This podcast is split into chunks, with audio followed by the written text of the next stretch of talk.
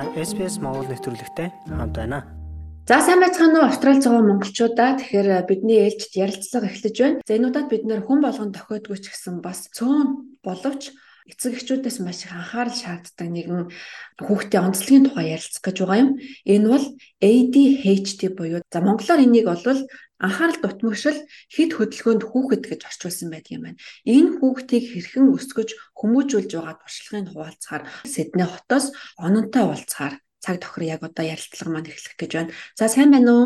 За сайн байна уу? За таны өдрийн минь төргий. Тэгээ сонсогчтой бас ононгой танилцуулахад том охиноо бол маш амжилттай high school төгсгөөд дараагийн шатны сургуульд нь оруулсан. За баг хүн бол бас яг ADHD гэж одоо онцлогдоод байгаа ээжийн хувьд биднэрт өнөөдөр туршлагаа хуваалцах гэж байгаа юм. Бидэнд яагаад энэ ярилцлагыг хүрэхээр болсон бэ гэвэл манай SBS Mongolia-ны хаягаар нэгэн ээж биднэрт хүсэлт явуулсан юм. Тэрээр хүүхэд нь энд ирээд удаагүй бас яг сургуульд ороод удаагүй байхад нь багш нь танаа хүүхэд одоо ийм шинж тэмдэгтэй байна. Эмнэлгээр яваад яг аль биесээр онцлуулах хэрэгтэй гэсэн.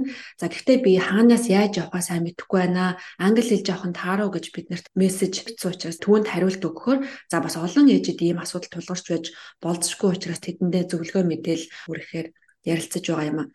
За тэгээд оноо ер нь ADHD буюу анхаарал дутмагшил хэд хөдөлгөөнтэй хүүхэд гэж яг ямар хүүхэд байдгийг ямар шинж тэмдэгтэй байдаг талаар хоёлаа эхлээд ярилцгаа. За тэгээ. За манай хүү болохоор ADHD-тэй гэж нөгөө нэг эмнэлгээр онцлогдоод тэр үед судлаад юу гэдгийг ном ном уншаад нийтлэл мэдлөө тэгээд янз бүрийн нөгөө нэг докторуудын хийсэн research эдрийг уншаад яаж яхад заав ээж нь буруу хүмүүжүүлснээс ч юм уу эсвэл буруу хоол хүнс буруу амьдралын хэм маягаас гарч ирж байгаа тийм юм биш. Угаасаа тархинд нь нөгөө нэг executive function of the brain гэдэг яг нөгөө нэг юм үйл ажиллагааг ингээд үйлддэг тэр хэсэг нь жоохон юм удаан хөгжилтэй байд юм байна л да. Тэгэхээр бол энэ яг хуу тийм төрөлхийн хинч байж болохоор хам шимж энэ дээр үеэс л тэгж байж ирсэн. Тэгээ дээр үед ерөөс оншилж чаддгүй сайрн сүүлийн үед л оншлоод хүмүүс тэр өвчнөр хүмүүсийг их оншлоод байгаа юм лээ. Тэгээ энийг одоо өвчин гэж хэлэхэд хайшаа зүгээр л тийм нэг хүний нэг шинж тэмдэг гэх юм уу би бол тэгэж хэлж байгаа. Тэг хүн болгоо өөр өөрөөр л хэлэх бах им тэгээд сэтгэл зүйн зөвлөгөө хоёрыг хавсарсан тийм эмчилгээ хийж иж тэр анхаарал төвлөрөлт нь арай жоохон дээшлэх магадлалтай. Гэхдээ бол бүрэн эдгэрдгүү гэж ярьд юм байлээ. За тэгээ манай хүүдэр илэрсэн болон тэгээд миний уншсан ном момон дээр болохоор ингээд удаан хугацаанд урт хугацаанд анхаарлаа төвлөрүүлж чаддгүй. Одоо ингээд ном уншаад удаан сууж чаддгүй юм уу те. Тэгэл хичээл дээрээ сууж байгаа л нэг 5 минут хичээлээ хийж сууж байгаа л тэгэл шууд босоод юм өөр юм юм хийгээл те дистракт болонгуудаа за чи буцаа суугаараа гэл тэнгуү буцаа суугаал фокус болж байгаад нөө өөрийн мэдлгүй ингээд анхаарал нь өөр юм руу төвлөрөөд өөр юм руу амархан сарнаад идэг. Тийм юг хэлээд хүүхдийг хэлээд байгаа юм шиг байгаа юм. Хамгийн их илэрдэг үе нь болохоор бага үедээ нэгдүгээр ангиас дөрөвдүгээр анги хүртэл ч юм уу те энэ ингээд хамгийн өндөр явдаг явагддаг. Тэгээд 7-оос 12 дугаар анги хүртлээр арай жоохон ингээ багасж агаад насанд хүрсэн үедээ бүр ингээ жоохон болдог гэсэн үг. Тэгэхээр нэгээс 4 дугаар ангийн үед нь ингээд сайн сэтгэл зүйн эмчилгээ аваад тэгээд юу ММ-ийн хамсарч хэрэглээд тэх юм бол бүр багасах магадлал өндөр байдаг гэж тэр нөө ном өдр төр бичсэн байсан. Таны хувьд бол хүүтэн зохих эмчилгээ хийлгээд одоо л харьцангуй намжуул байдалд орсон учраас та эмчилгээгээ зогсоосон гэж ойлгож болох уу? Тэгсэн. Хоёрдугаар ангид нь багш нь ингээд дээжтэй дээж магадгүй манай хүүхд бас тийм шинж тэмдэгтэй тэг эмчид үзүүлээ тэгээд тэгэхээр би нөө ойлгохгүй дээжтэй гэж юу юм манай хүүхд тийм биш ирүүлгээд л тэгэл эмчт нь үзүүлэхгүй яваад гисэн. Надаа бас нөгөө нэг юу н анзаарагдаад байсан бэ гэвэл ингээд өөрийнхөө охинтой харьцуулаад байгаа байхгүй юу? Манай охин ингээд хичээлийн ирэхлээр суугаад хийчдэг Аа хүү болохоор арай өөр тэгээд нөө хүүсээрээ өөр юм байна юм болов ямар нэг юм байгаа болов гэд тэгээ ээжтэйг судалж хэлсэн аахгүй. Тэгээд тэр чи яг нэг 3 4 5 дугаар ангитай айгүй хэцүү байсан байхгүй юу? Ингээд ерөөсөө ингээд юм хийдгүү. Юу гэж тайлбарламаар яа ингээд тогтож сууж чаддгүй юм шиг байгаа нэ. Тийм, тогтож сууж чаддгүй яг үнэ. Тийм, төвлөрөхөөс бас ерөнхийдөө уучлаарай би энэ шинж тэмдгүүдийг бас харсан юм л да тэр ээжийн загтлыг хүлээж авснаас хойш одоо хичээл дээр бол бас сурах чадвар бусад хүүхдүүдтэй харьцуулахад арай бага. Яг тэгвэл тэр чинь нэг сайн төвлөрч чадахгүй болох тэр арай удаан сурдаг. За дараагийн нэг шинж тэмдэг бол өөр маш хөдөлгөөнтэй. Тэр хөдөлгөөнтэйгөөс болоод бас бусдад жоохон төвөг удах гэдэг. Одоо янз бүрийн ээлж дараалал хүлээх хэрэгтэй болвол ерөөсө хүлээж чаддаггүй шууд урдуунгүйгээд ордог. Хүний яриа тасалдаг гэдэг юм уу те. Зүгээр сууж чаддаггүй.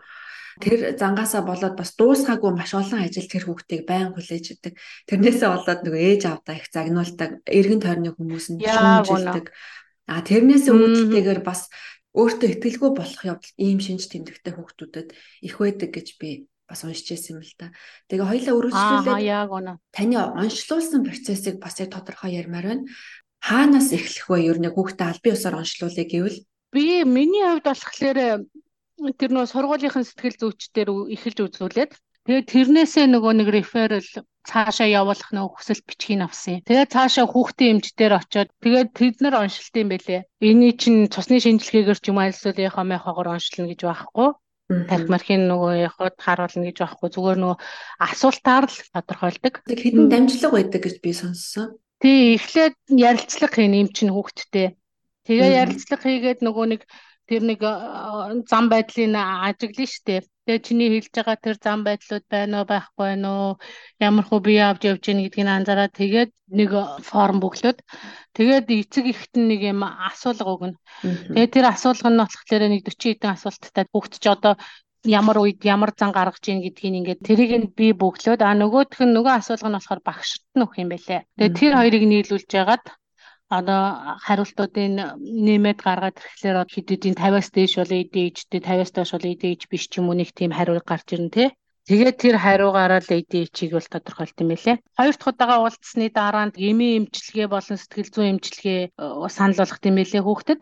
Эмний тухай тодруулж асууя. Энэ эм нь бол яг тухайн цаг мөчтөд хүүхдийг одоо доктортой суулгахад тусалдаг гэж байгаа тийм. Ямар нэгэн side effect сөрөг тал байх уу? Магадгүй тэр эмэндээ дасал болчдөг ч юм уу тийм. Дараа нь тэрийг уухгүй бол төвлөрч чадгаа болчдөг ч юм уу. Тиймэрхүү зүйл байдаг болов бид нар эцэг их нь өөрсдөө өгөх үгүйгээ бид нарын нөгөө шийдэх асуудал гэж байгаа байхгүй тэд нар бол уу гэж шахахгүй за тэр юм нь болохоор идгээхгүй гэж байгаа энийг уугаад ангууд эдээ чинь зүгээр болно гэж байхгүй А тэгтээ ууж явах үедээ нөгөө нэг анхаарал нь төвлөрөлт нь илүү сайн болно гэж байгаа байхгүй уухгүй бол буцаал нөгөө нэг хэвэндээ анхаарал төвлөрөлт нь бага хэвэндээ болчихно. Тэгээд би хүүхдтэй өгөхөөс өмнө өөрөө ууж үзвэ. Яд юм байна гэд. Тэгээд уусан чинь нэрэл юм сонин юм ямар эмошн нь багасгчдээ юм шиг байлаа. Миний ойлгож байгаагаар бол ямар нэгэн эмошн идрийг багасгаал тэгэл ерөөсөө э, ямар зэн бүрийн хийх юм байвал ингээл зогсолтгүй хийгээд идэг side effect нь болохоор нойр нь багасгана. Орой унтахгүй хэцүү. Тэгэхээр дахиад эмчтэйгээ уулзаад ингээд унтахгүй байна гэнгүүт тэгвэл нойрны юм уу гэж байгаа байхгүй юу? ADHD-ийн нэг угаа дээрээс нь нойрны юм уу гэж тэгчээж унтна гэд. Тэгээ сүүлдээ бүр айгүй олон юм уух гэдэг хэлэм. Тэгээд би эмнээс нь зогсоосон юм. Тэгээ хүүхдийн шинж тэмдэг бол хэр өөрчлөгдсөн бэ? Та эмнээс гадна сэтгэл зүйн бусад эмчилгээг нь хийлгсэн үү? Сэтгэл зүйн эмчилгээг нь бас хийлгсэн би болохоор нөгөө яг хувийн тим эмнэлгийн сэтгэл зүйч биш community-гийн сэтгэл зүйчтэй сургуулийн сэтгэл зүйч нь холбож өгөөд сургуулийнхаа нөгөө нэг консулаас сайн асуух юм байлээ. Би ингээд сэтгэл зүйч хэрэгтэй байна. Гэхдээ ингээд би affordable юм хэрэгтэй байна гэхэлэр тэд нар цаашаа өөрсдийнхөө шугамар хайгаа судлаад тэгээд олоод өгөх юм байлээ. Ер нь сэтгэл зүйн талын эмчилгээ онцлогоо ер нь Австрал нэлээд үнэтэй байдаг. Та энэ тестүүдэд хийлгэх хэд орчим доллар болж исэн. За магадгүй эрүүл мэндийн даатгалаас одоо хөнгөлөлт авч чадсан уу? Эсвэл одоо Австрал улсаас ийм хүүхдүүдийг дэмжих тийм одоо дэмжлэгүүд байдгүй. Яг онцлоход бол шүү дээ ямар нэгэн дэмжлэг эднэр авч чадаагүй хүүхдийн эмч сэтгэл зүйн талаар онцлоход бол үнэтэй байт юм байлээ. Эхний удаагийнх нь уулзалтанд 400 доллар гэ тэгээд даатгалаас буцаан олголт өгч чаддгүй юм байлээ. Дараагийнх нь 2 дахь 3 дахь уулзалт нь 250 250 доллар гэж явт юм байлээ. А дараа нь нэр эмчилгээнийхээ үед болохоор нөгөө сэтгэл зүйчтэй уулзсан шүү дээ.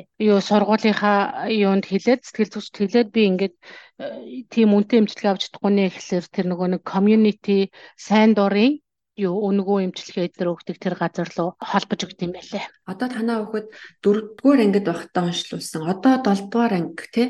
Одоо юм хэр өөрчлөгдөж байна. Бас ингээд томрох тусмаа харьцангуй намждаг гэж бас таны ярианаас ойлгосон. Томрох тусмаа харьцангуй намжчихдээ юм байлээ. Тэр сэтгэл зүйн имчилгээнийх тусалсан. Им нь тэр үедээ бас тусалсан бах. Ер нь бол 6 дугаар ангиас хойш хамаагүй сайжирсан шүү.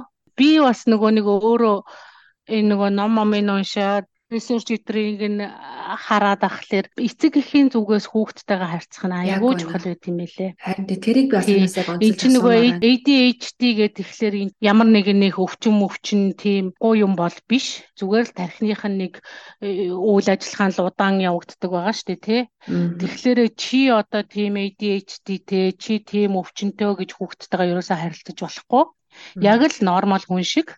Тэгтээ уурлахгүйгээр байнга давтамжтай хэлэх. Одоо ингээ хувцас өмсөрөө, одоо явахтаа бэлдэрээ ч юм уу те. Тэгэл орой хичээлээ хийж яхад нь За чи даалгавраа одоо 5 минут хийчих тэгээ 2 минут амарчих дахиад 5 минут хийж 2 минут аварчих гэл нэг доор 30 минут суулгах гэж ингээл загнаал уурлаал тэгээд авахгүйгээр хаалга төвлөрж байгаа үед нь хийлгээл буцаж амраагаал. Тэгэхгүй бол ингээд тэртээ тэрэнгүү удаан цагаар сууж чадахгүй юм чинь цаанаасаа бие организмын тархин угаасаа тэгж чадахгүй юм чинь хүчээр тэрийг нь хийлгэх гээд уурлаад стресстэй байх шаардлагагүй юм байл. Тэгэхээр ийм хөлтэй эцэг эхчүүдээс бол илүү төвчээр шаардах нь шүү дээ тий. ADHD гэж юу юм гэдэг талаар нь өөрөө ойлгоод авчвал хүүхдээ ойлгоход илүү амар юм билээ. Энэ бол эцэг эхийн хүмүүжлийн буруу харгарлаас эсвэл одоо ээж нь хүүхдээ тээж явахдаа ямар нэгэн хорт зуршлаас болоод ээжийн ээжээсээ болоогүй тухайн хүүхдийн онцлог юм а гэдгийг бас тэр мессеж утсан ээж одоо сонсож байгаа хаа гэж бодож байна. Яг тэгвэл тэр ээжийн захианаас харахад нэлээ өөрийгөө буруутгсан байгаа нь анзаарагдаад байсан л та. Яг үнэн. Тэгээд хүмүүс ингээд өөрсдийгөө буруутгаад идэм байлээ. Одоо эн чинь миний хүүхд бос хүүхдүүдээс өөр вэ? Би л ингээ болохгүй юм хийчээд тэгээд ингээд тэгэхээр чин тэр чин бидний буруу биш хүүхдийн буруу биш. Угаасаа л зүгээр өөрийнх нь онцлог төрхтөө тэгээд өрцсөн тийм онцлогтой. Тэрэнд нь тааруулж бид нар тэрийг нь хүлээж аваад ойлгоод харилцах хэрэгтэй юм билэ тэрийг нь ойлгохгүйгээр нөгөө бусад хүүхдүүдтэй адилхан байх гад Тэгээд өөрийгөө ч уурлуулад хүүхдийгээ ч зовоогоод тэр чин тархин угаасаа тийм өөр болохлээр яаж мянга хүчлээд өөрийнх нь хүсэж байгаагаар байж болохгүй болохоор тэрийг нь сайн ойлгох юм билээ танд хитрхи шахахгүй байх нь чухал юм байна. Харин тэгээд нэр би ийм мэдж авсан. Сургуулийнхаа нэг хэлзүүчтэй сайн харилцаж ажиллаараа. Тэгээ сургууль дээр тийм програм байт юм билээ. ADHD хүүхдүүдэд яаж хичээл заавал дээр үү, яаж харилцуул дээр үгээд Тэгвэл багш нар эдгээр нь ойлгоод тий. Ер нь бол эхний шатнд багштайгаа ярилцаад цаашдаа ямар арга хэмжээ авах вэ гэдэг эхний алхам ер нь бас сургуулийн сэтгэл зүйч байх юм байна гэдгийг онцолж хэлмээр санагдлаа. За тэгээд цаг зав гаргаж ярилцсан танд маш их баярлалаа. Таны хоёр хүүхдээ хүмүүжүүлж байгаа энэ арга туршлага манай Монгол ээжүүдэд маш их хэрэгтэй зөвлөгөө байдаг шүү. За баярлалаа. Гурван хүүхдээ болцоо. Оо тийм үү. За баяр хүргэе. Тэгвэл саяхан төрсэн байх нэ сүүлд ярьцлага авснаас хойш. За баярлалаа. Тэгсэн сая 2 сард. Оо за за. Тэгвэл шинэ юм. За за за танд баяр хүргэе. Ээж гэдэг том хөдөлмөрт нь бас амжилт хүсэн чинь бид нар том ажил хийж шүү. Ялангуяа та одоо хүүхд хай скуулыг маш амжилттай төгсгсөн. Тэгээд ийм илүү анхаарал шаарддаг хүүхдэд дахиад нялх хүүхдэдтэй их ачаал өөрж байгаа юм байна. Тэгээ гадны улсад амьдарна гэдэг. Оо тэгээд сураал энэ. Тэгээ яаж хүмүүжүүлэхгүй гээл оролцоол тэгэл. За баярлалаа танд. Баяртай. За баярлалаа баяртай. Чамдаас амжилт хүсье. За баярлалаа. SPS Монгол хэлээр бидний нэвтрүүлгийг Facebook сошиал хуудасаар бусдаа хуваалцаарай.